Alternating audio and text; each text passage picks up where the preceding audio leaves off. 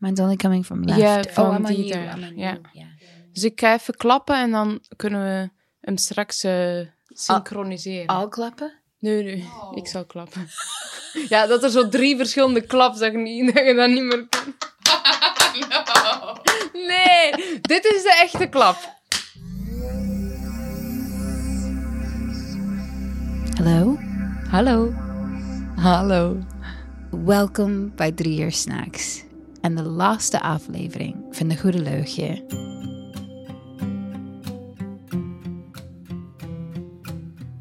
Hoe voelen wij nu over De Goede Leugje?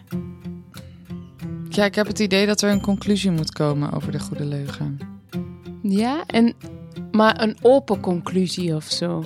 Omdat eh, ik geloof niet dat we een vastgetimmerd iets kunnen brengen. Dat is ook een illusie, denk ik. Die wel mooi is, maar toch ook een illusie. Maar we kunnen wel een... Ja, we hebben wel echt vijf afleveringen echt wel veel bijgeleerd. Bij mij is het belang een beetje ontstaan. Want ik weet nog toen we hiermee begonnen dat ik dacht... Oh, ik, weet niet of ik persoonlijk echt iets met dat thema heb. En toen ging ik erover nadenken en toen dacht ik... Ah ja, oh, dat is dan misschien ook liegen. Of dat zien mensen dan als liegen. Of, en dat er toch best wel op persoonlijk vlak ook mensen daar gewoon wel een mening over hadden. Over mijn, mijn gedrag daarin. Waar ik het voor een groot deel gewoon niet mee eens ben. En nu heb ik wel, denk ik, voor mezelf kunnen uitkristalliseren waar ik het mee eens ben en niet.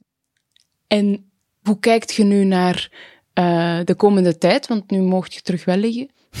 Ja, ik mag weer liegen. Ehm, Wat komt er terug, denk je? Ik denk, ehm, ehm, ik denk mensen voor de gek houden. Dat vind ik gewoon nog steeds heel leuk om te doen. Eh, en het is ook wat dat betreft een perfecte timing. Want nu met corona mogen langzaam weer dingen. Mogen we weer naar de kroeg. Dus volgens mij, nu ik, nu ik het en weer en van mezelf weer mag openen, er ook weer deuren om vreemde mensen te ontmoeten. En daar gewoon eh, ja, een beetje, een beetje lol mee te trappen, verhalen te verzinnen. Ehm, Wat, wat ik vind grappig dat je dat zei, is eh, gisteravond, voor de luisteren, waren wij met z'n drietjes in een zwembad. En in die zwembad kwamen drie mannen. En, en Miriam is, zij wil, wel, ze wil eigenlijk met iedereen kletsen, heb ik soms het gevoel. En, ehm, en wij stonden er echt zo, ja, het was een beetje grappig, maar ook een beetje awkward. En, ehm, maar ze begint meteen met ze een hele, hele uitgebreid eigenlijk discussie over. Maar ehm, er was geen leugens, maar jij, jij ging gewoon door. En je had hem echt op een bepaald moment gevraagd voor een wedstrijd. En dan, dan had je een wedstrijd tussen één man, een zwemwedstrijd. Dus er was heel veel spontaniteit en lol gehad, denk ik, van jouw kant. Ehm, en dan de- deden wij andere stomme dingen zoals synchronistisch zwemmen. ja, ik heb wel en ge- zo. geleugen. Gelogen. Had je gelogen? Ja. Nee. Wanneer? Ja, gisteren. Ik zei dat wij van een synchroonzwemteam waren. Nee, maar dit, dat gelooft ze niet. Of, of zij ook mee gingen doen met de wedstrijd van volgend Nee, weekend. die was gewoon een grapje. Het was een grapje, maar ik heb het wel heel even volgehouden. Echt? Ik heb wel heel even geprobeerd. Had je dat het- in de gaten? Ja, ik had wel door dat het, hoe, hoe jij het zei, was niet als een grapje. Het was echt die mensen overtuigen dat wij drie synchroonzwemmers... Nu ziet je wel meteen, als wij dat dan voordoen, dat wij dat niet zijn. Yeah, so actually I failed. Maar dat is inderdaad... Eigenlijk Nee, komen we dan wel op het punt van, is dat liegen? En, en dat is ook wel wat, wat in jouw item ook wel echt naar voren komt. Er is gewoon het pranken, noemt je dat dan, maar het verhalen vertellen, het, het dingen dikker maken of... of eh, toch? Ja, het is misschien gewoon met elkaar spelen of zo. Dat is eigenlijk wat je doet. Je bent gewoon...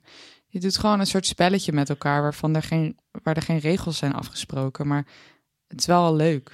Ja. ja, je gooit eigenlijk als volwassen een balletje naar iemand. En ze moet beslissen in die moment, net zoals de kale jongen in de, in de zwembad. Wil ik, wil ik dit bal oppikken of niet? Wil ik teruggooien? En sommige mensen zijn niet zo goed in teruggooien. En ik denk dat dat soms, dat, dat is ook een, een deels van de wrijving van de leugen. Is als iemand de bal naar je, naar je gooit En je kunt hem niet meteen oppikken en teruggooien. Of je doet het super awkward. Dan voel je echt zo aan de grond voor die andere iemand. Een soort van dynamiek. En dan zit je echt zo, oh balen. Ja, en ik was ook echt wel heel blij daarin, denk ik. Ik denk dat het op een goed punt kwam dat ik met Peter Pannenkoek heb gepraat. Omdat hij heeft denk ik ook al zijn eigen onderzoek dingen gedaan. Ook al tot de conclusie gekomen dat hij dat, dat die sommige aspecten van liegen gewoon heel mooi vindt. Ehm, ja, omdat wij zoveel gelijkenissen hadden in, in die lol daarin. En ook in elkaars ogen zagen zo... "Ah ja, dat is... Ja, ik snap wat je bedoelt. Dat voel ik ook, of zo.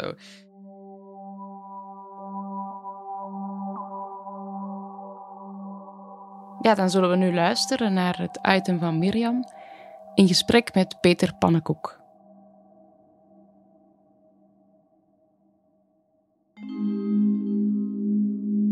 Ik heb goed nieuws. Voor mezelf in elk geval. Herinneren jullie je deze quote nog uit aflevering 2? Je hebt misschien wel het eerste voorbeeld ooit die ik zie nu voor me. Die eigenlijk op het niveau ligt van wat we zien bij bijvoorbeeld criminelen. Maar dan in een sociale context. Dit was Sophie van der Zee, leugenexpert en rechtspsycholoog. En heel even was ik bang dat ik uniek bleek te zijn, maar ik ben niet alleen. Ik heb een perfecte partner in crime gevonden. En wel niemand minder dan Peter Pannenkoek. Is dit al de podcast? Zit, zit er al in? Ja, oké. Ik stuitte op een interview met hem in de Lagarde met de titel Liever een mooie leugen dan een saaie waarheid. Een voorstander van liegen dus. Dus een betere gesprekspartner voor mijn allerlaatste interview kan ik me niet wensen. Dat Peter goed kan liegen, bewijst hij al in het programma Sterke Verhalen. Hierin vertellen twee teams de meest raar verzonnen verhalen aan elkaar, afgewisseld met dingen die waar gebeurd zijn. Door elkaar te ondervragen moeten ze erachter komen wat de waarheid is en wat leugens zijn. Maar geldt deze liefde voor liegen ook in zijn dagelijks leven? Nou, ik heb, wel, ik heb liever dat iemand mij een, een, een geweldige leugen vertelt dan een saaie waarheid. Ik vind het onbegrijpelijk als mensen me een saai verhaal vertellen. Ik denk, doe er wat aan. Dat is jouw verantwoordelijkheid. Eh, voor mij leven we voor verhalen. Of het nou van vroeger komt dat we met z'n allen op het kampvuur zaten. Eigenlijk tv is natuurlijk ook gewoon verhalen vertellen. Eh, dus daar kwam volgens mij die opmerking vandaan. Ik moet wel zeggen, ik ben er een klein beetje op teruggekomen. Dat ik wilde mijn eerste voorstelling eigenlijk ook maken over liegen. Ik zat ook denken dat de titel Waar verzonnen verhalen. Ehm, alleen toen kwam Trump. Dus nu heeft liegen een soort eh, gekke negatieve lading gekregen. Snap je Ja. wat ik bedoel? Dat, Ja, ja. Ik, ik weet nog dat ik die quote had. Ik las van me ook terug. En daarna kwam Trump. Ik dacht, ja, shit. Dit is natuurlijk niet hoe ik het bedoelde. Precies. En daarom zoeken wij in deze podcast naar de goede leugen. Ik vertel Peter meer over ons onderzoek, mijn gesprek met Sophie en over mijn eigen verhalen. En nog nooit werd ik zo enthousiast om hierover te praten. Alsof ik eindelijk iemand heb gevonden met precies dezelfde rare hobby. Ja, het is leuk om iemand met hetzelfde, eh, die bestaat uit hetzelfde recept te ontmoeten. Ehm, ten eerste, ik denk, ik maak oprecht eh, gemiddeld gezien misschien vaker eh, idiote dingen mee. Daarnaast lieg ik ook nog wel eens. Dus ik loop zeker ook tegen het probleem aan bij vrienden dat het geloven in de verhalen die ik meemaak is, is, is tanende. Die wordt steeds kleiner. Wat je net als voorbeeld gaf, wat jij wel eens deed of doet in, in het sociale leven. Dat je eh, een verhaal aan het verzinnen was van liegen of wat je deed. Ehm, ik, deed ik deed dat ook regelmatig, zeker in de kroeg. En ehm, niet alleen om ehm, die ander eh, te vermaken, maar ik ben ook soms gewoon klaar met mijn eigen verhaal. Gewoon elke keer diezelfde riedel. Waar kom je vandaan? Heb je broers en zussen? Dus vond ik het leuk om te liegen. En dan had ik er ook nog wel een periode plezier in. Om mezelf eh, in een dusdanige val te lullen. En dan jezelf eruit te lullen. Het was ook een soort denktraining. Een soort... En ik verantwoordde het ook eh, naar mezelf toe dat ik het zag. Dit is goed voor mijn werk. Omdat ik ben natuurlijk een verhalenverteller. Dus ik zei, ik, ik probeer... Maar ik denk dat dit heel goor gewoon... Je probeert alles bij jezelf recht te lullen. Ja. Ik zeg, dit is ook zo. Dit, is- dit, is mijn, dit is mijn optreden. Ik ben nu eventjes Ja. eh, mezelf aan het trainen. Dit is zo herkenbaar. En het voor jezelf goed praten, dat is schijnbaar ook iets waar we allebei heel goed in zijn. Jezelf trainen, een beetje avontuur creëren als het saai dreigt te worden. En hierin lijken onze verhalen behoorlijk veel op elkaar. En je zou misschien kunnen concluderen dat dat iets te maken heeft met ons vak, maar hier blijft het niet bij. In een eerdere aflevering vertelde ik over mijn leugentjes en grapjes, zoals nepflauwvallen in een politiekantoor, toen ik nog maar drie of vier jaar was. Ver voordat ik wist wat ik later wilde worden, en volgens mij wist ik überhaupt nog niet wat liegen was. En zelfs hier heeft Peter een soortgelijk verhaal over. Hij deed namelijk als kind alsof hij doof was. Ja, ook dit staat me... Eigenlijk herinner me heel weinig voor mijn twaalfde. Dus dit staat me niet bewust bij waarom ik dat heb gedaan. Afgezien dat het allemaal wel met aandacht te maken zou hebben. Maar als ik mijn ouders goed begrijp, was ik van de een of de andere dag doof. Eh, maar ik was echt heel, heel jong. En eh, doktoren konden niks vinden. En toen hebben ze op een gegeven moment... Met een hele, op een gegeven moment kwamen ze erachter... ik maakte de testen te verkeerd. Dus ik zat bij een, uh, een soort doveninstituut in Utrecht. En dan moest ik... Dan gaan ze op uh, frequenties, gaan ze je testen. En bij een hele hoge piep moest ik op een knopje drukken en anders niet. En ik deed als die hoge piep kwam, drukte ik niet. En als een greepje drukte wel. Dus ik deed precies het tegenovergestelde. En toen kwamen ze dan langzaam achter. Dit, dit, dit, hij is aan het faken. En wat ze toen hebben gedaan, ja, doodsimpel. Um, ze hebben mijn rug, uh, met mijn rug naar de deur gezet. En toen kwam mijn moeder binnen en die zei: Kom, Peter, we gaan. En toen stond ik op en draaide ik op en liep ik met mijn moeder mee. Maar waarom deden we dit in godsnaam? Want we waren toch nog veel te klein om bewust te liegen. Heb je broers en zussen? Twee oudere zussen. Oké. Okay. Anders wou ik het op enig kind gooien, dat we enig kinderen zijn. Nee, ja, dat is het niet. Maar jij nee. vooral lichamelijk, als ik het hoor vroeger. Dit was mijn enige lichamelijke uh, leugen. Ik deed veel... Uh, mijn ouders werden vaak uh, naar school geroepen op de basisschool. Ik verzon gewoon veel op school, dus... Of daar, maakte school zich soms wel zorgen over. Dat in, bij maandagochtend bij het kringgesprek kwamen er altijd verhalen naar boven. Dat mijn ouders werden gebeld omdat er een ouder was dood gegaan. Of, of opa's en oma sowieso waren naar Egypte geweest. Leuk. Ja, heel leuk. Daar, zaten mijn leugens uh, vooral in. Ja. Ik begin me zo zorgen te maken in deze podcast. Dat uiteindelijk het resultaat is dat wij alle twee worden opgenomen. Oké, okay, er zijn vast psychologen die hier heel erg lekker op gaan en er een volledige analyse op los kunnen laten. Maar zelf raak ik meer en meer overtuigd dat dit soort liegen, dus verhalen vertellen, fantasiewerelden creëren, wel degelijk waardevol is. En natuurlijk zullen zowel Peter als ik wel eens te ver zijn gegaan hierin, waardoor het niet meer grappig was of mensen dachten dat we gek waren geworden. Maar als ik zo naar hem luister, dan vind ik hem absoluut geen leugenaar, maar gewoon een rete goede kroegtroubadour. En dat is toch eerder een cadeau dan een misdaad? Peter Pannenkoek zei het eerder in dit gesprek al. We leven voor verhalen. Ik vind het soms moeilijk over vroeger. Dat ik, ik twijfel soms aan mijn eigen geheugen. Dat je afvraagt: heb ik het echt meegemaakt of heb ik het verzonnen? Dat is ook zo'n dunne lijn. Plus dat herinneringen zijn uiteindelijk altijd maar een mening over het verleden. Dat is natuurlijk, iedereen kent het, het fenomeen dat als je, jij bent een jeugdvriend iets samen meegemaakt, je hebt twee vaak een ander verhaal. Wat zijn, jouw, wat zijn jouw lessen die je hebt bij het liegen? Lessen die ik heb bij het liegen? Ja. Hoe bedoel je? Nou, bijvoorbeeld, ik, ik ben er wel achter met mijn kennis van het liegen dat uh, mijn stelregel is: hoe groter de leugen, hoe uh, eerder die wordt geaccepteerd.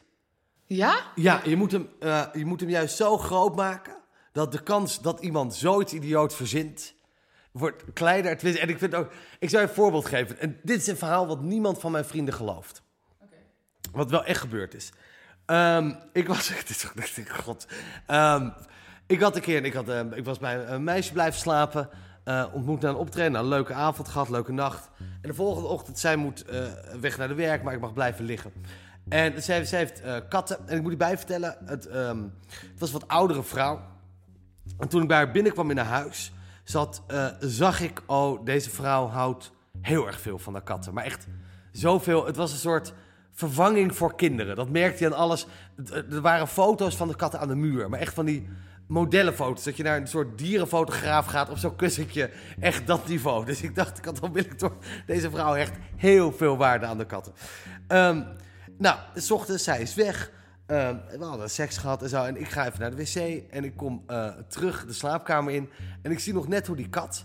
Uh, het laatste stukje condoom, zo, sorry voor dit vulgaire verhaal, zo naar binnen vloept. En dat, beest begint zo dat begint een soort, soort braakneiging te maken, alsof het vastzit. En dus ik denk onmiddellijk, holy fuck, dit gaat mis. Uh, ik weet zelf niks van katten. Ik bel maat op. Ik zeg, uh, wat moet ik doen? En die zegt niks aan de hand. Die eten muizenbotjes, hebben haarballen. Dat hele eh, verte- verteringssysteem kan het makkelijk aan. Ik loop terug die kamer in. Die kat ligt op de grond, doet niks meer. Is helemaal flat out. Niks meer. Ik, ik zoek nog naar pols bij een fucking kat. Waar ik ook niet weet waar dat zit. Kat is dood. Ehm, ik weet dat dit totaal gestoord is, wat ik nu ga zeggen. Maar in, in, mijn, in mijn totale paniek eh, leek mij dit het beste idee. Ik koop gewoon een nieuwe kat. Ja, dit, in, in mijn, want dit gebeurde in mijn hoofd. Ik ben een totale paranoïde gozer. Ik dacht, ehm, oké, die vrouw vindt die kat dood. Die denkt dat ik die kat heb vermoord. Kijk, dit is soms hoe paniek werkt. Wat je ook in, in crime-series ziet. De logische ding is gewoon... hé, hey, die vrouw vindt die kat, ik leg het verhaal uit. Het is afschuwelijk, maar dit is gebeurd. Maar in, in mijn hoofd werd het, die kat denkt... zij denkt, die kat is vermoord. Die accepteert mijn verhaal niet. Eh, straks lijkt het alsof ik seks heb gehad met die kat, omdat mijn condoom erin zit. Ja, maar dit gaat heel snel. En ik snap als luisteraar denk, ja, fuck, je kan toch gewoon logisch nadenken. Alleen in paniek gebeurt dat vaak niet. Dat is gewoon, dat gaat onmiddellijk naar de grootste eh, dingen. Dus ik dacht, oké, nieuwe kat kopen. Stel je nou voor, ik vind een kat die erop lijkt, maar die heeft een paar strepen anders. De kans dat die vrouw denkt, hé, hey, wat raar. Herken ik mijn kat nou niet? Is hij nou net anders? De kans dat zij denkt, nee weet je wat, mijn one-night stand heeft de kat vermoord en een nieuwe verkocht, is veel kleiner dan dat zij aan zichzelf gaat twijfelen. En denkt, hé, hey, deze is even iets...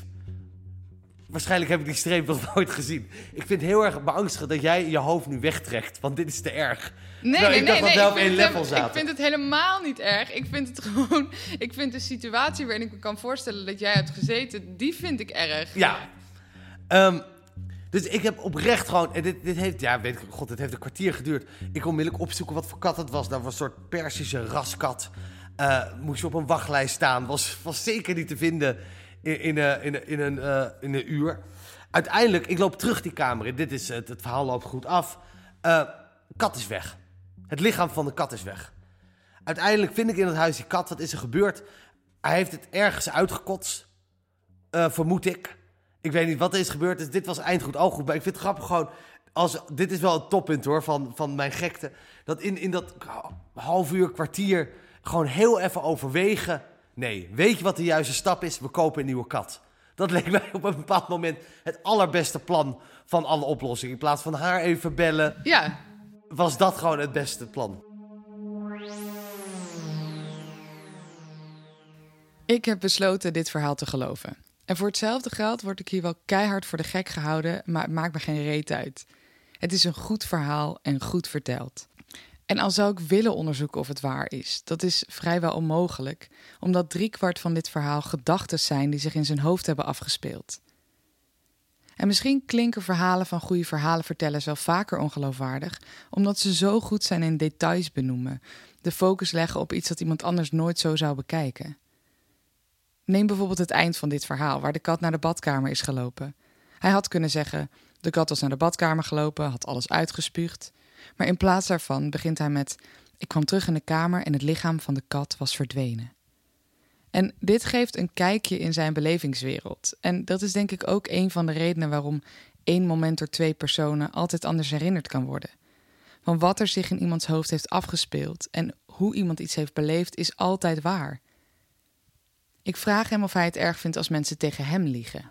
Nee, voor een goed verhaal vind ik prachtig. Dat Ja. waardeer ik enorm. Maar Kijk, dat is het probleem. Dit, is- dit is mijn probleem. Ik zit nu te nadenken, hoe gaat de luisteraar dit oppikken? Er, er hangt zo'n negatieve eh, connotatie met liegen. ja, Liegen associëren mensen met kwetsen, eh, pijn doen. En volgens mij moeten dat... Wij hebben het over het verhaal, over, over, over het leven. ja, eh, over dat soort liegen. Want ik heb, dit, ik, bedoel, ik heb best wel eens gezeik gekregen ook over, over interviews... dat ik zeg, ik vind liegen mooi. Dan krijg je echt veel boze mensen. Het is schandalig. Terwijl mensen associëren dat dan met iets... met, een- met een vreemdgaande man of vrouw... Ja. En Hoe, hoe, hoe in is pijn gedaan. Terwijl dat vind ik iets heel erg anders. Dat is voor mij ook liegen ehm, om er zelf beter uit te komen. Ja, wat is dat? Ja, dat is een soort... Je hebt Ja. bedrog en je hebt liegen. Oké, hier wil ik even op ingaan. Peter zegt: je hebt bedrog en je hebt liegen. En ik denk dat daarin de leugen en de goede leugen zich misschien wel onderscheiden. Want bedriegen is naar mijn idee ten alle tijde negatief. Terwijl leugens ook uit liefde of in dit geval voor vermaak kunnen zijn. En om een onderscheid te kunnen maken voor mezelf, en te beslissen wat ik wel en niet oké vind, verdeel ik liegen nu in vier categorieën. En voor elke categorie gebruik ik een voorbeeld waarin ik met iemand die ik net heb ontmoet in de kroeg sta. Nummer 1 is bedriegen. Bedriegen zou zijn dat ik tegen een vreemde in de kroeg zeg: Kan jij even mijn bier betalen? Mijn vriendin neemt zo mijn tas mee, die ben ik vergeten. Dan betaal ik je direct terug. En dan vervolgens snel het café uitga. Dat is bedriegen. En dat kan echt niet. Nummer 2 noem ik verzachten. De leugentjes die je maakt omdat je anders iemand onnodig pijn doet. Bijvoorbeeld als deze kroegpersoon in kwestie vraagt of ik denk dat we vrienden zouden kunnen worden. Als ik denk van niet, zou ik kunnen zeggen: Misschien, daarvoor ken ik je nog niet goed genoeg. En ik denk dat deze leugentjes wel oké zijn zolang het woordje onnodig erin blijft. Want soms is de harde waarheid wel nodig, ondanks dat je weet dat het iemand pijn doet. Nummer drie is pranken. Mensen voor de gek houden. Een nieuwe werkelijkheid creëren voor eventjes. Zo zou ik me bijvoorbeeld kunnen voorstellen als museumcurator of vertellen dat ik Nederlands kampioen synchroonzwemmen ben. Deze blijft er voor mij ook absoluut in. Al is het soms misschien goed om iets beter na te denken of de ontvanger dit ook kan waarderen. En nummer vier is aandikken of overdrijven. Verhalen net iets mooier maken. Of bijvoorbeeld zeggen dat ik al tien jaar in deze kroeg kom terwijl het er in werkelijkheid vijf zijn. Die mag ook blijven. Maar het maakt me zo boos. Ik herinner me altijd een goed voorbeeld. Daar moet ik heel vaak aan denken. Er was een Amerikaanse schrijver. Uh, van die had een, een debuutroman uitgebracht in duizend stukjes. Komt volgens mij nu in de bioscoop binnenkort, die film. Thousand Pieces, volgens mij. Um, gaat over zijn... Um, hij was drugsverslaafd. En dat hij ervan afkikt. En een geweldig verhaal. Um, heel naar ook. Hele nare gebeurtenissen. Hoe die bij al zijn tanden moeten worden getrokken. Maar hij mag geen uh, verdoving. Omdat hij dus ex-verslaafd is. Etcetera, etcetera. Gigantische hit. Zit bij opera op de bank. Bij de boekenclub. Nu blijkt later dat uh, grote gedeeltes van zijn verhaal niet waar zijn. Hij zat niet bij. En dit maakte mij zo boos. Het is een hele rel geworden. Toen heeft hij weer bij opera moeten zitten. Heeft hij zijn excuus moeten aanbieden. En lezers mochten hun geld terugvragen. Mochten hun boek terugbrengen. En wat mij hier zo boos over maakt, is luister. Als wij dit nodig hadden, om dit boek geweldig te vinden. Als, als wij net dat duwtje nodig hadden van dit is waar gebeurd, waardoor we het met z'n allen een fantastisch boek vonden, alle recensies waren lovend, dan is dat een goede leugen geweest. En ik vind het zo'n onzin dat nu opeens mensen die kunnen niet meer genieten van het boek. Dat vind ik zo'n lelijk iets. Volgens mij is dit een heel goed voorbeeld voor het echte leven. Want fictie is vaak een complete fantasiewereld die we toch snel spiegelen aan de werkelijkheid. Waar we lessen uittrekken voor het echte leven of gelijkenissen zien, maar dan uitvergroot, geromantiseerd, betoverd. En het, het is een vrijheid, iets waar veel mensen ook van houden. En de definitie van non-fictie is de ware toedracht tot gebeurtenissen die in het echt hebben plaatsgevonden. En misschien verwachten we wel veel te veel van elkaar dat onze verhalen, onze belevenissen volledig non-fictie zijn. Want het is nou eenmaal het echte leven. En als we hier bij iemand ook maar één foutje in ontdekken, dan worden we boos of schrijven het af op fictie. Het is niet echt. Het was een leugen, een fantasie. Maar waarom in godsnaam? Want een vleugje fictie in het leven, daar heeft toch niemand last van? En toch voelen we ons vaak enigszins bedrogen. En toen bedacht ik dat het genre dat onze verhalen, ons leven, onze eigen autobiografie misschien wel veel beter vat. Dat is het genre dat we al lang gebruiken in boeken en films. Gebaseerd op een waar gebeurd verhaal. Of als het over degene zelf gaat, is de term autofictie. Een autobiografisch verhaal met fictieve elementen. En aangezien er niet één waarheid bestaat, is autofictie misschien wel dichtst bij de waarheid dat we ooit gaan komen. Want in al onze herinneringen, verhalen en gedachten zit, gelukkig maar, een vleugje fictie. Maar kijk, het zijn ook vaak, en dat, dat is oprecht mijn werk, gewoon op, mensen vragen me vaak naar mijn voorstellingen, is het allemaal waar? tot een bepaald, ik dik gewoon alles een beetje aan. Bijvoorbeeld, uh, ik heb pas heel laat leren fietsen. En nu weet ik niet meer zeker, maar in mijn verhaal is dat, dat toen ik naar de middelbare school ging, heb ik pas leren fietsen. Maar het kan ook acht of tien zijn geweest. Dat weet ik niet meer zo. Maar voor het verhaal vind ik het mooi dat ik besloot naar middelbare school... ik kan niet rennend aankomen. Ik heet Peter Pannenkoek. En niet kunnen fietsen, dat is gewoon echt te veel stof voor de pesters. Eh, dus ik weet het allemaal niet zo goed ook meer. Ik zit na te denken, volgens mij zijn wij geen leugenaars, maar we zijn wel fantasten. Geen leugenaars, maar fantasten. En hiermee sluit ik de periode voor mezelf van niet liegen af. Ik verheug me om niet meer elk onbenullig detail te verbeteren en mensen weer een beetje voor de gek te kunnen houden. Maar er zijn ook leugens die ik achter me ga laten. De leugens die nu voor mij na dit hele onderzoek wel vallen onder het kopje bedriegen. En dat zijn onder andere de leugens die gaan om geld, dus ook het zwartrijden. Ik sprak mijn vriend, die ik in de allereerste aflevering interviewde, over wat er nu veranderd is voor mij na deze podcast. En hij vroeg me nog een laatste vraag. Hij zei: Maar wat zeg je nu je zo bewust omgaat met leugens tegen een kind als de cavia is overleden? Zeg je dan dat de cavia naar een cavia-hemel gaat met allemaal andere schattige beestjes en heel veel eten? Of probeer je de waarheid op een zachte manier te vertellen? En ik denk dat ik door het maken van deze podcast weet wat ik nu zou doen. Ik zou het kind vragen of we samen zullen fantaseren waar het beestje nu is.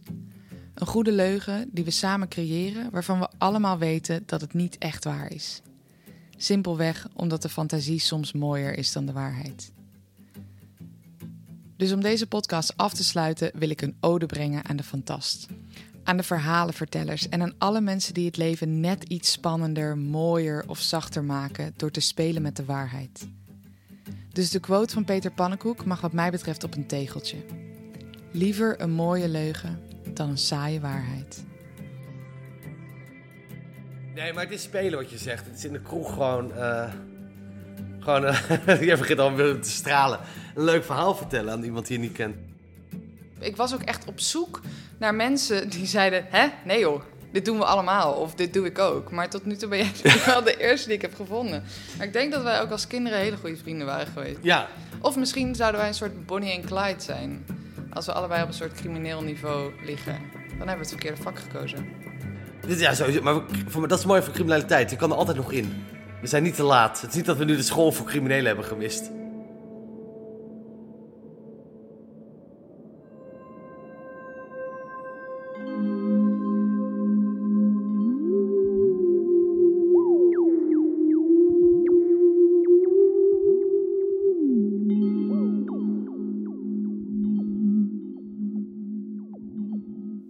Nog, ik heb nog één vraag over, omdat ik daar nog gefascineerd door was, over, over je DNA-test. Want ik ben altijd heel sceptisch over die DNA-testen. Niet doen. Het is really niet de moeite waard. Nee. Maar je, je zei ook dat, het, dat ze niet met elkaar klopten, toch? Ja, er klopt helemaal niks van. Want ik had een DNA DNA-test vanuit Europa gestuurd. En alles wat terugkwam was vanuit Europa. Maar ik heb wel bewijs dat er veel generaties in Amerika woont en leeft. En, en dat vind ik gewoon... Het is een foutje eigenlijk. Ze, zijn, ze hebben niet gerealiseerd dat jij Amerikaans bent, omdat je het hebt ingestuurd in Europa. Ja. Dat is En echt dat vind ik schandalig. schandalig, want het was heel duur ook. Ik heb in totaal, ik denk, voor dit project, het is- het staat onder, bijna 500 euro van mijn eigen geld investeerd in deze DNA-test. En, ehm, en ze allemaal leugens waren. Geen één terugkwam met, met Frans-Canadians of iets in Canada. Wat, mijn achternaam is Gagnon.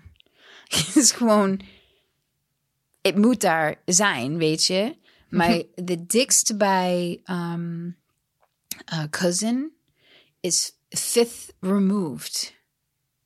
Dat is fair. Dat is fair. Wat, wat bedoel je Geen- daarmee? Ja, zo eh, met nichtjes heb Ja. je eerst, tweede, derde, Oh ja. vierde, vijfde, Ja. tiende. De dikst bij wat ik had was vijfde. Dus dat betekent put je, put je, put je, put je familie ver vijf plekken vooruit. Ja. Is gewoon Bullshit. onzin. Gewoon onzin. En de reden dat we deze aflevering iets hebben uitgesteld is omdat Juliette daadwerkelijk met het vliegtuig naar Amerika is gegaan. Op zoek naar de moeder. Dus we gaan nu eh, horen hoe de reis in Amerika is gegaan.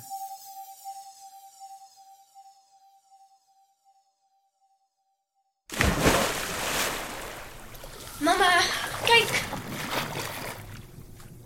Kijk je?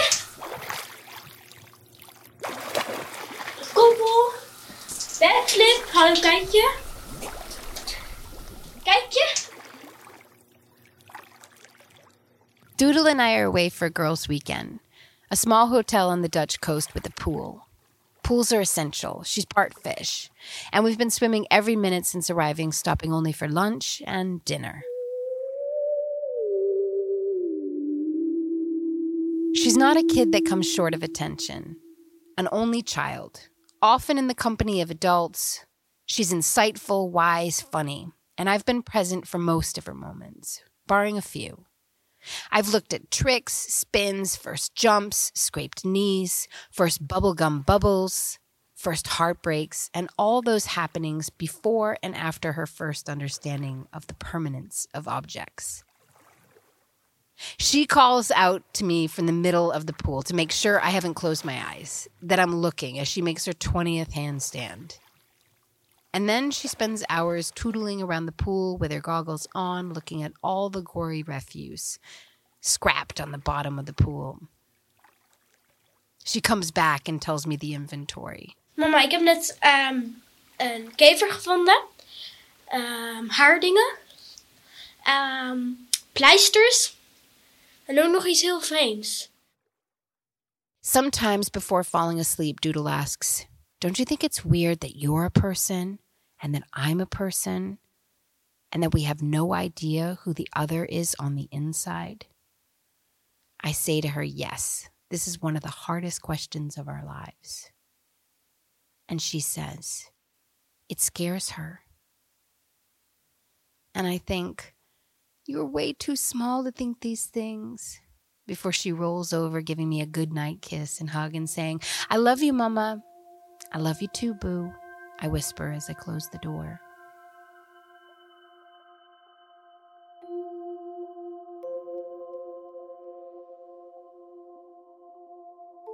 This started with a simple lie to myself about my height, which led me to define what was really true in my experience. Like, what could I evidence?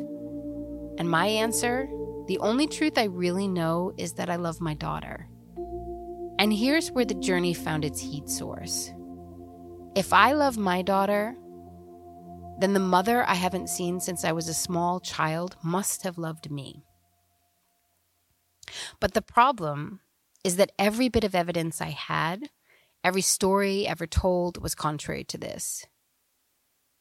So we set out to unravel who my mother really was after not seeing her for almost 35 years, to unpack the lies that comprised my identity, about who she was, to separate fact from fiction, to see what self deception and the good lie have to do with each other.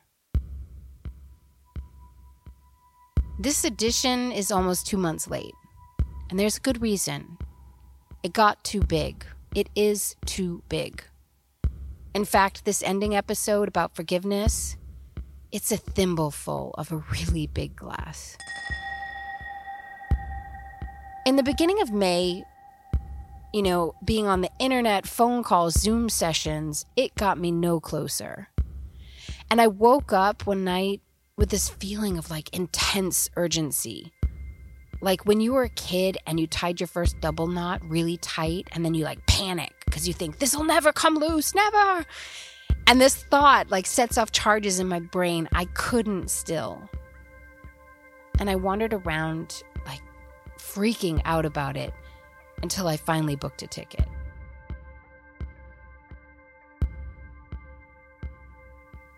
The airport has its own tense thread, and I haven't seen this since I traveled during the month after September 11th. The flights are exclusive for American citizens or those holding a green card. There's this uncomfortable abundance of American accents.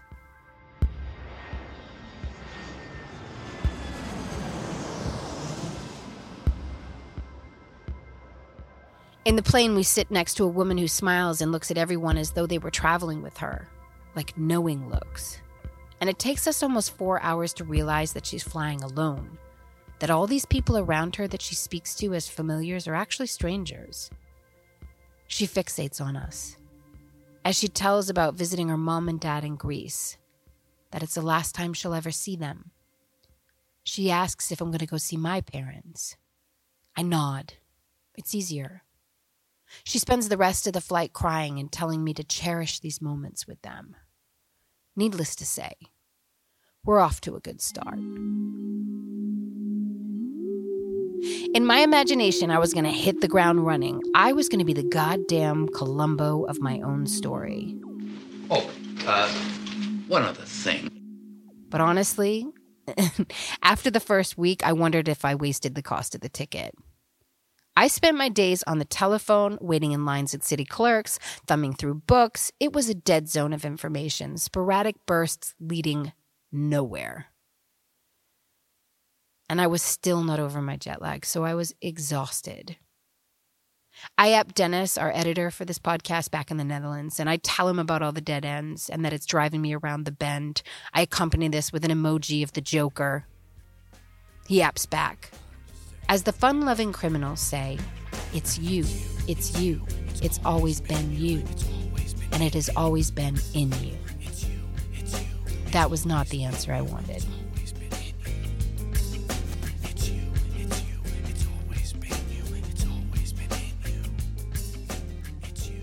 The second week starts with a crumb trail, her birth certificate. After traveling to a number of different registers, I decide to stop at the last place I looked years ago, one which had said that it didn't exist.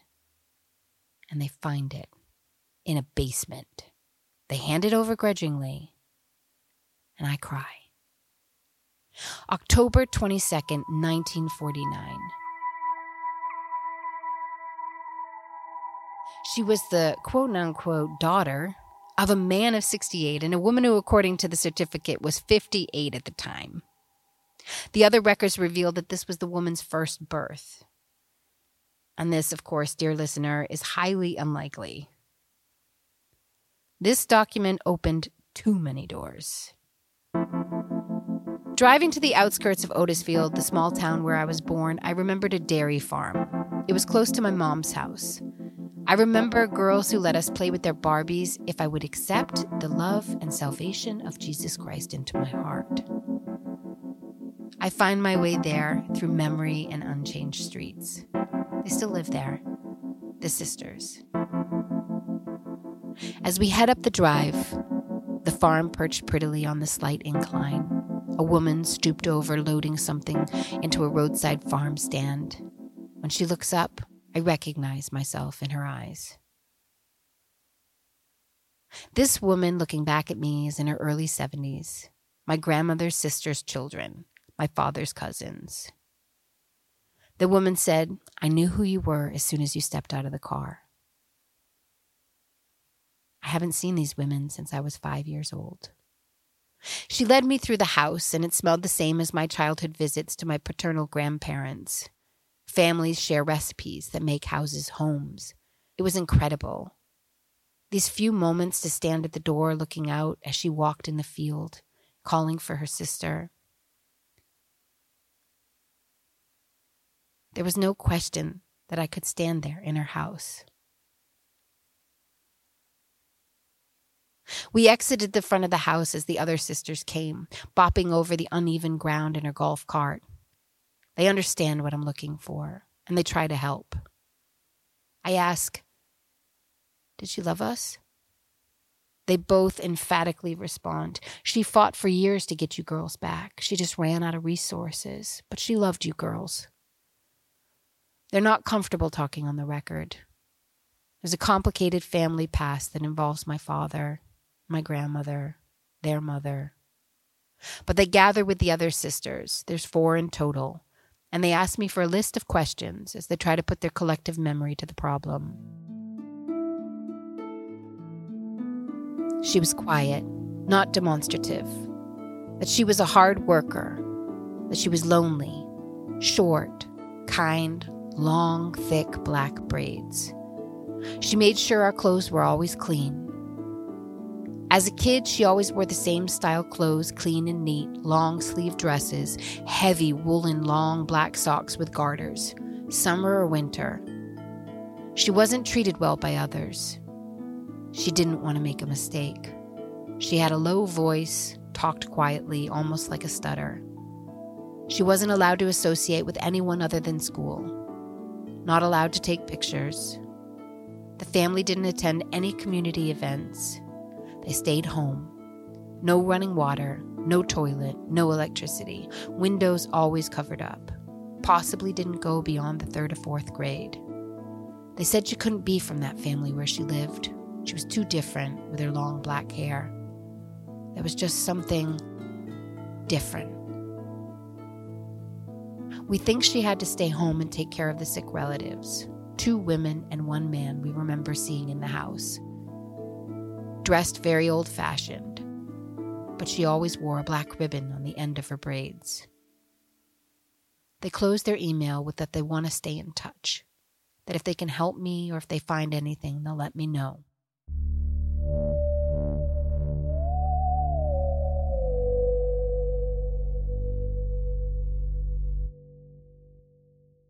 Remember the name Linda Ash? She was on the list of dead ends. I found her. She's alive. She's living in a long term housing for homeless in Maine. I don't understand fully Linda's relationship to my mom, but I do know she became a girlfriend of my dad moving in after they broke up, the first in a succession of women that would follow over the years. This is Linda May Ash, long time no here. I just got your message. Try to return my call, please. Anyway, give me a call when you can. Okay, I appreciate it.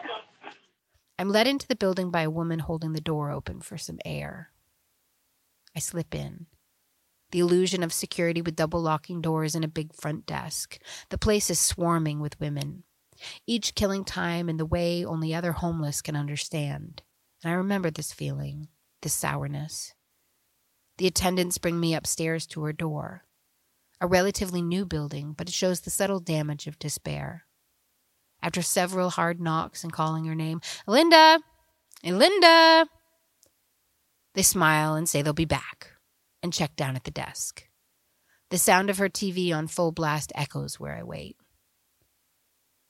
She appears from the elevator with a walker, bags filled with returnable cans and random bits attached to the side, wearing electric blue leggings and a t shirt.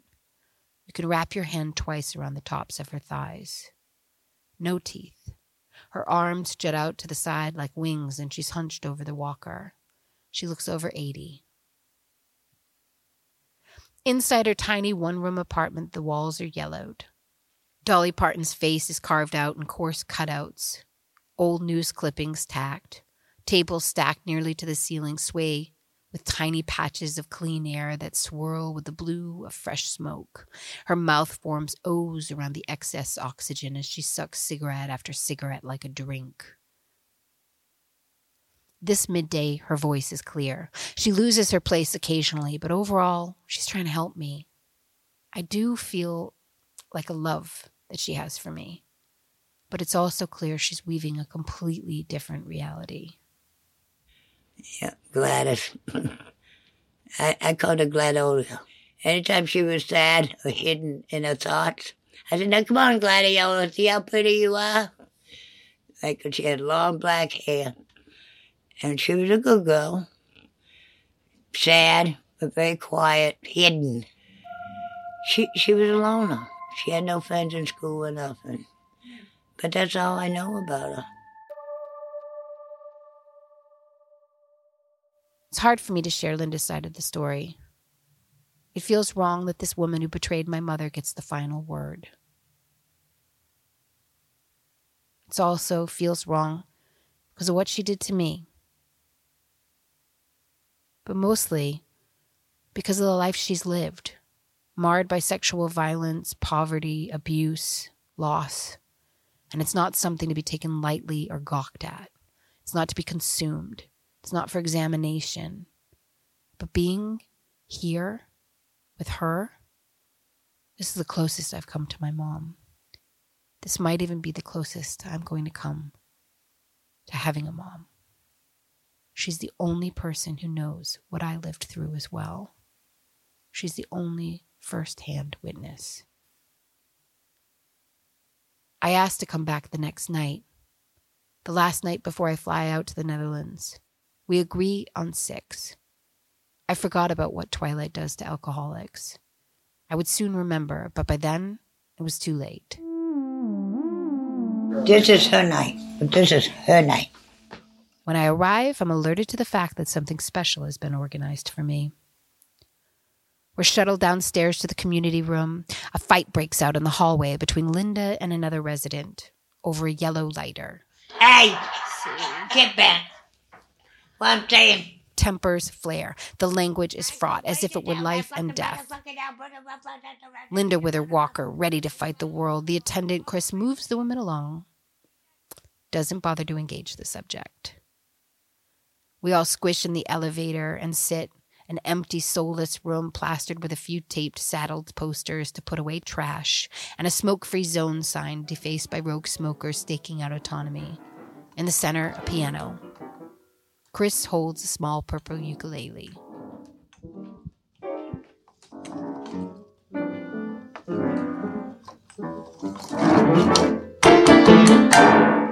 That was Mozart. This episode was meant to be about forgiveness. I think it was to offer myself a tidy little way to wrap it up, to see if we could forgive the good lie, if we could make room for it.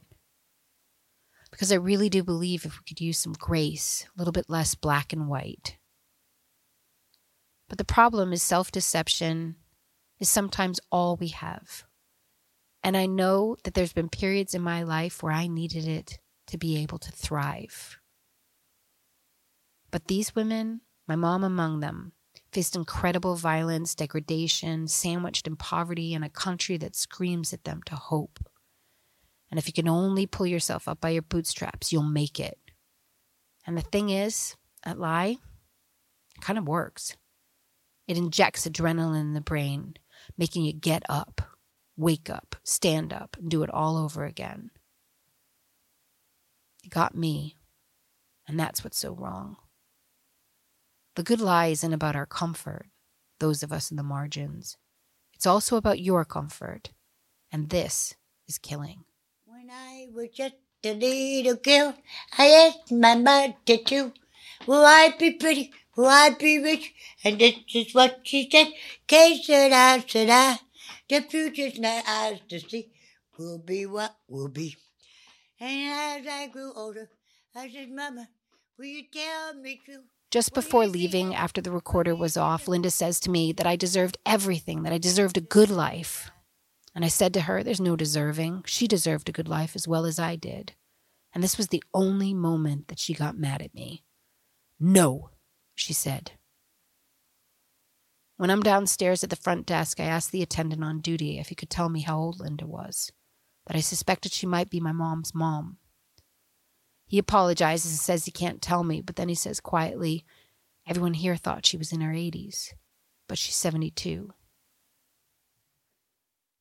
Right, let's go on something else, but this is her night. Okay. I can't see. We are, we are what we are, and that is what we are. We are what we are, and we'll be what we are.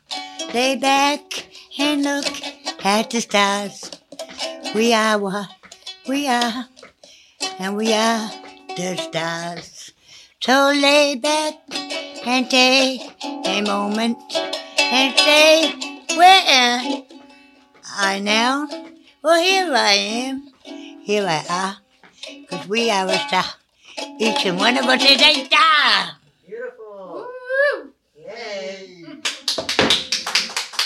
Straight on up. You gotta practice way for that. How to do a double pit like that. And see him do the stuff.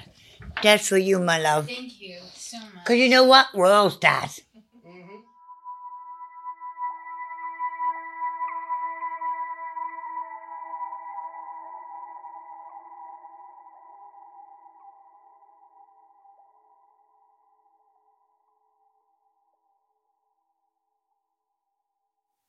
I did find one real truth.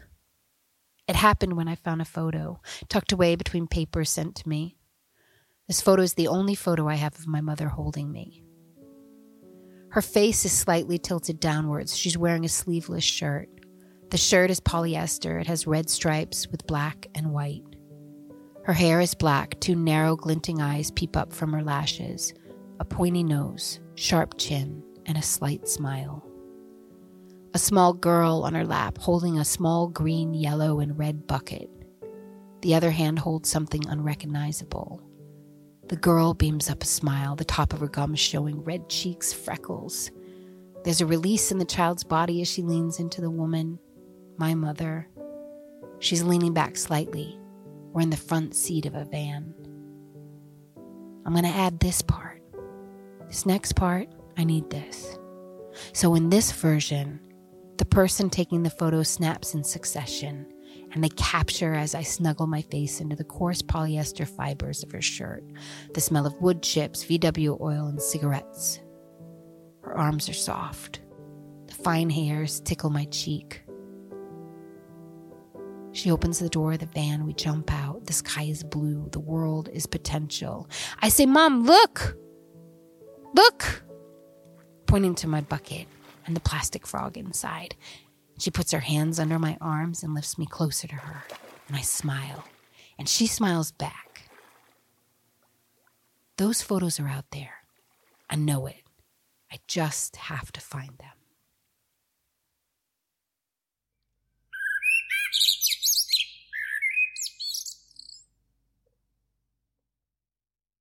Vroeg me af, liegen jullie meer tegen de mensen die dicht bij jullie staan? Ik niet, denk ik. Nee, ik heb daarover zitten nadenken. Ik dacht ook dat jij dat niet zou hebben. Nee. Ik heb dat zelf wel, of ik herken wel het soort van iemand op zijn gemak stellen, gewoon comfort bieden aan iemand, waardoor je soms dingen een beetje langs manoeuvreert eh, of, of langs gaat. Dat herken ik wel heel erg.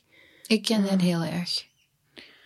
Maar dat zou ik niet zo snel noemen als liegen. Maar ik denk dat andere mensen zou wel noemen als liegen. Want er is een van de soort van liegen natuurlijk is niks zeggen. Dus ik ben heel erg van de niks zeggen.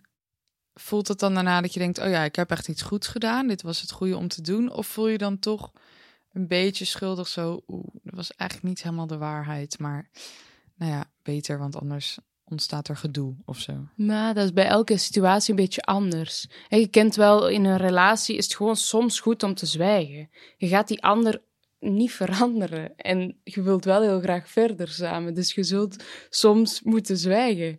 Eh, maar als een vriendin vraagt: eh, ben, ben ik niet wat aangekomen of zo? En je weet dat hij echt een zware week heeft gehad. En het is echt niet het moment. En je zwijgt daarover. Je zegt maar nee, helemaal niet. Ehm, dan kan het wel dat ik dan naar huis rijd en denk: "Pff, ik had eigenlijk liever in, in haar plaats gehad dat iemand dat tegen mij zei.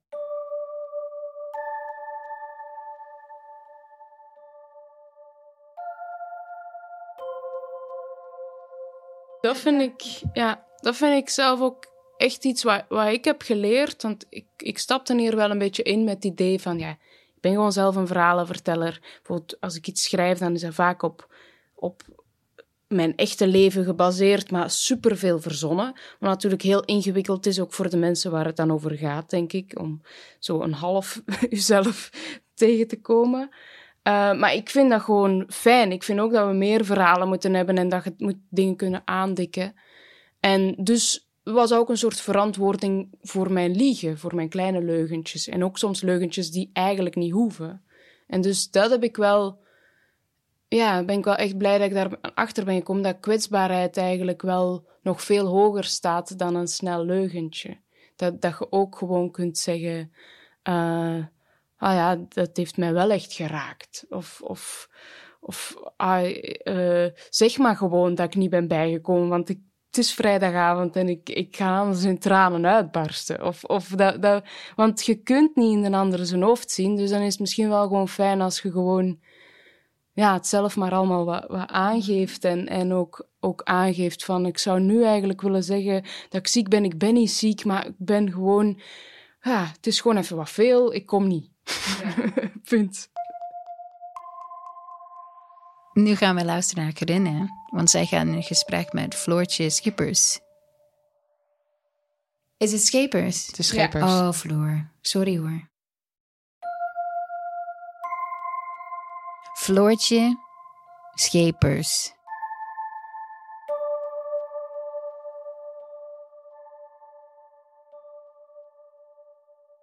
Ik las onlangs een boek. Ik lees wel vaker een boek, maar dit boek stelde mij op mijn gemak. Het was geschreven door deze vrouw. Ik denk dat het, dat het misschien ja, ook weer zo'n zo'n begrip is, liegen. Wat je van zoveel kanten kunt benaderen. Dat het ook complex is.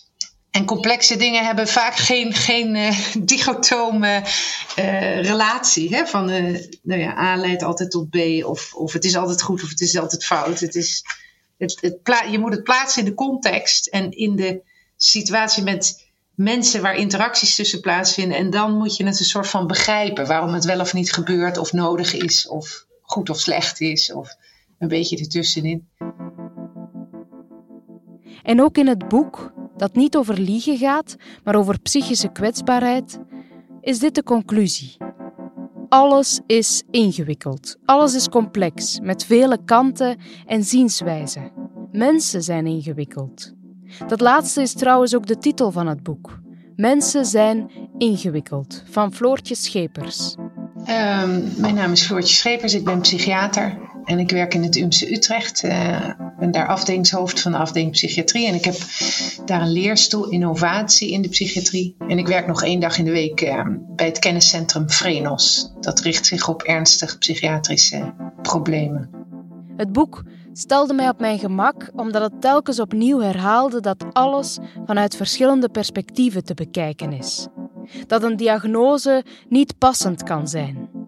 Een verhaal ook niet. Dat alles beweeglijk is, ingewikkeld, maar daarom ook interessant. Ik besloot psychiater Floortje Schepers daarom uit te nodigen voor mijn laatste gesprek. Want ik merkte na al die gesprekken met liegende familieleden, ouders, kinderen, geliefden, werknemers, dat de leugen en hoe wij er naar kijken, hoe wij ermee omgaan, ook beweeglijk is, ingewikkeld en daarom ook interessant. Ik liet Floortje een fragment horen over hoe ouders tegen hun kinderen liegen. Als een kind aan je vraagt: Papa, jij gaat ook dood, hè?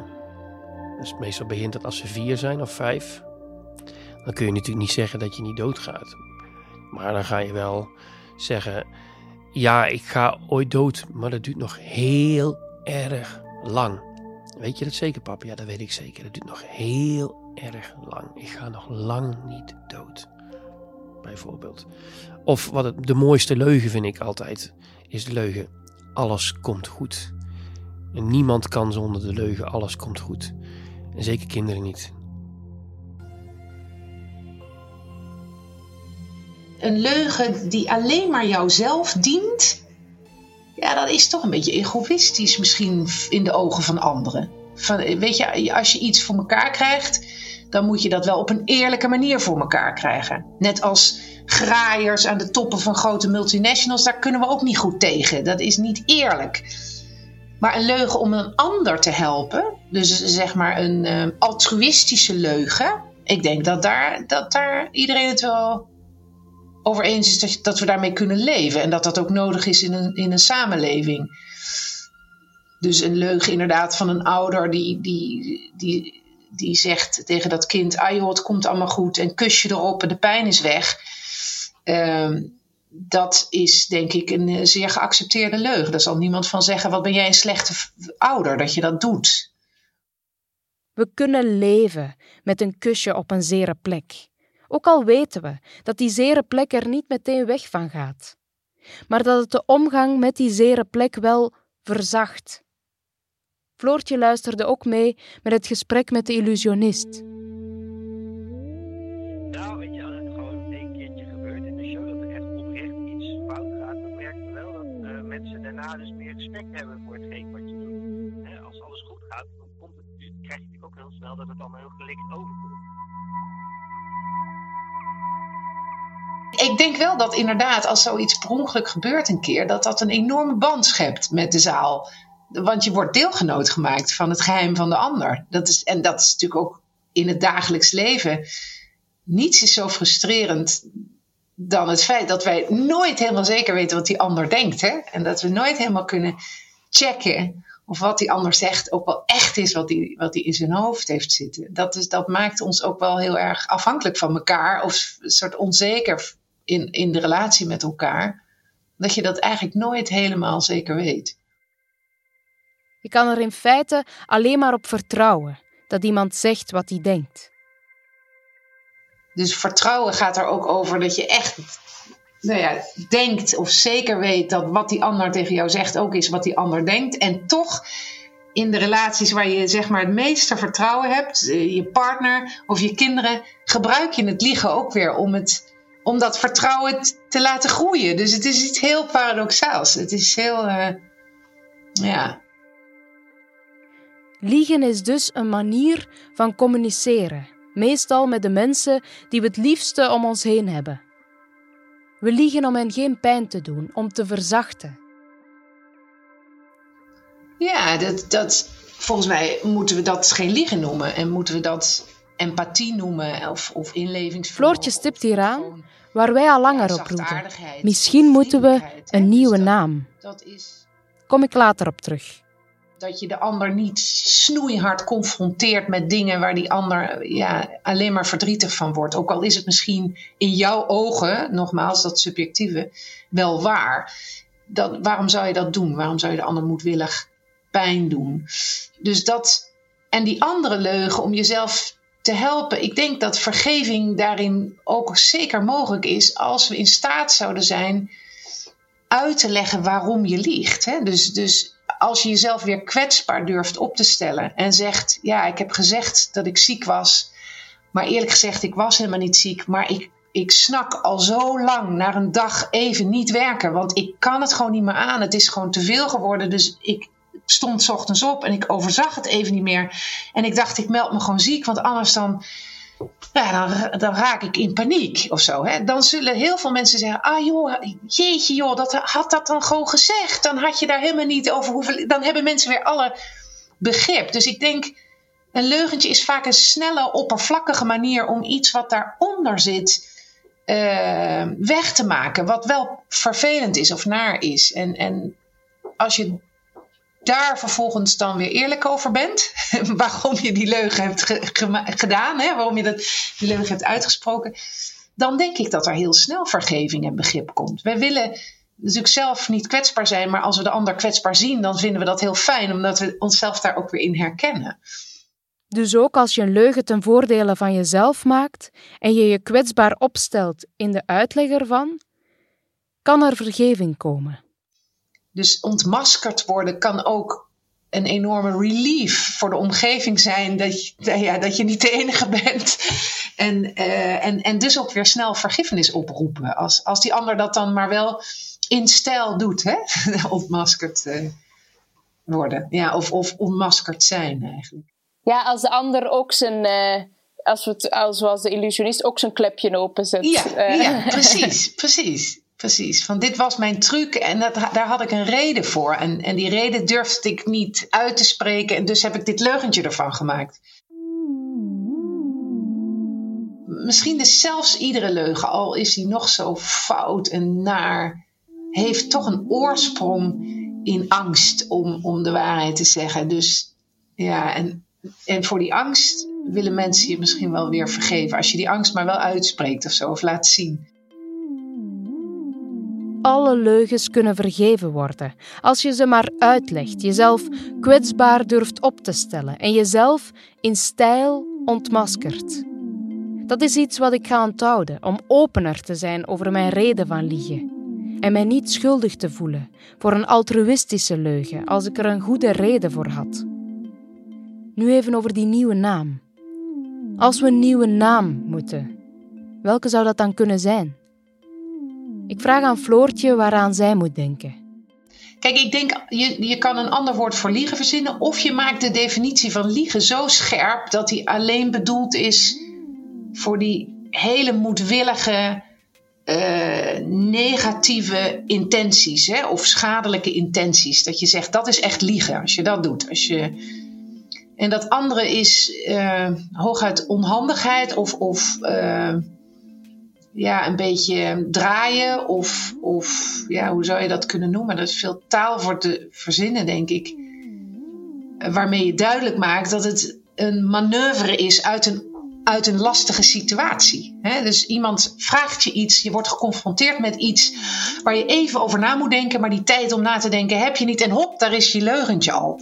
Of je, je dochter vraagt, nou mam, vind je me knap? En dan zeg je, ja natuurlijk ben je knap, schat. Want je gaat niet even, nou, eens even nadenken. Dat hoort erbij. Dat is, dat maakt het smooth. Dus het is een soort manoeuvre uit een ingewikkelde situatie. Ja, manoeuvreren vind ik wel mooi. Ja, dat is het. Ja, het is manoeuvreren in het sociale contact of zo, hè? Ja.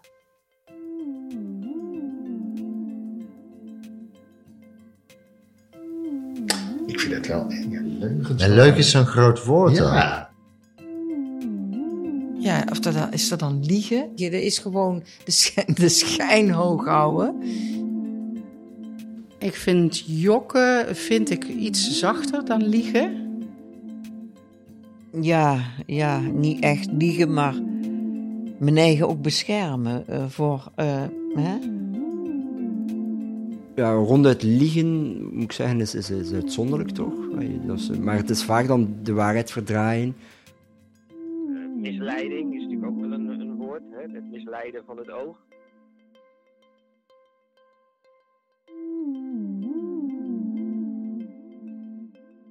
Floortje, ik, maar ook alle vorige interviewgasten die ik in deze podcast sprak, zijn erover uit. Altruïstisch liegen moet een nieuwe naam. Ik wantrouw nieuwe namen doorgaans. Het is een gezond wantrouwen. Nieuwe namen zijn vaak een verdoezeling voor iets waar het in de kern niet goed gaat. De nieuwe naam voelt dan als een verpakking die maar tijdelijk soelaas biedt maar soms is een nieuwe naam nodig. Als de oude naam de lading niet meer dekt of als de oude naam te veel lading dekt, te veel lading voor de verpakking, het puilt uit. En zo ook hier. Liegen wordt geplakt op te veel soorten leugens en maakt een leugentje daarom onnodig zwaar. Het is niet erg om de waarheid een duwtje te geven als het de situatie recht trekt. En daarom een nieuwe naam. Hoera, een geboorte. Feest. Alles uit de kast. Liegen wordt leuk. Liegen hoort erbij.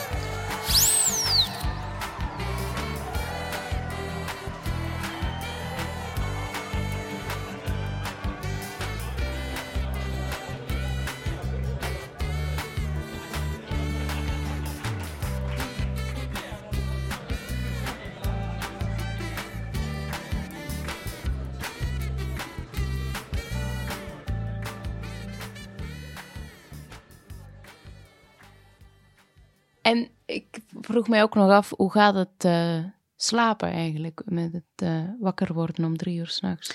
Ja, zo nog een spoiler. In het begin, toen we hebben het programma begonnen, was ik eigenlijk over de drempel met mijn insomnia. En kon ik redelijk goed slapen door de nacht.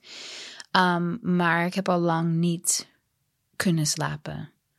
It is wel, de, er was in, in de eerste aflevering, zei ik dat Chris, ik denk de eerste aflevering, mijn vriend Chris zei, gaven niet in het verleden, want je maakt dingen in uh, nu kapot. En ik moet toegeven dat hij, het was helemaal waar. Nou, er zijn elementen die dat, er zijn elementen wat beter wordt door dit onderzoek te gaan. Ik ben veel meer zeker van mijn zaak in een manier. Ik weet um, mijn kracht eigenlijk nu. Maar ik denk dat er zijn veel andere manieren dat ik dat kunnen, kunnen weten. Dus ik vind, het, ik vind het uiteindelijk misschien eens laat wakker blijven en dingen onderzoeken in de nacht niet het best. Maar ik vind het nog steeds fascinerend en het zou niet stoppen, want het is ook een deel van wie ik ben. Dus in de aankomende aflevering gaan we met z'n drietjes over vriendschap hebben. Want ik denk dat veel mensen liggen ook s'nachts wakker om te denken: zijn mijn ex-vrienden?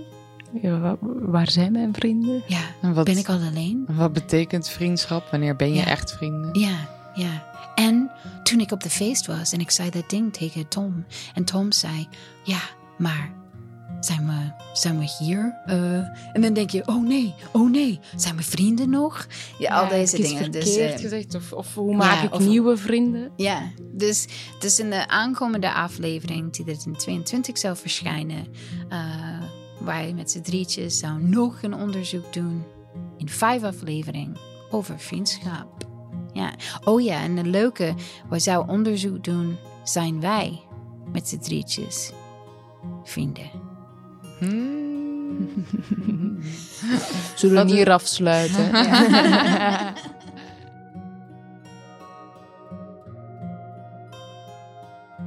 Slaap lekker voor straks. Slaap lekker. Dag. Slaap lekker.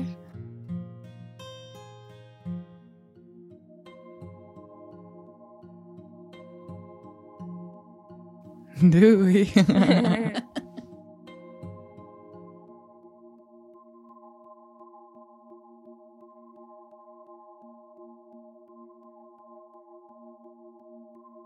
Zo, dat was hij. Heel fijn dat je de laatste aflevering van De Goede Leugen beluisterde. We willen heel graag bedanken. Stan van Herpen en Dennis Schaans voor de goede raad. Joppe voor de prachtige illustraties elke keer. Axel Lukien voor de composities en de techniek. En ook al onze interviewgasten om tijd voor ons vrij te maken. Drie uur s'nachts wordt geproduceerd door Stichting Watershed, met de steun van het Nederlands Letterenfonds en Stichting Cultuur Eindhoven. Benieuwd naar meer podcasts van Watershed? Persoonlijk kan ik je Hallo Dood aanraden. Een prachtige podcast, filosofisch en poëtisch, over, jawel, de dood. Ga naar www.stichtingwatershed.nl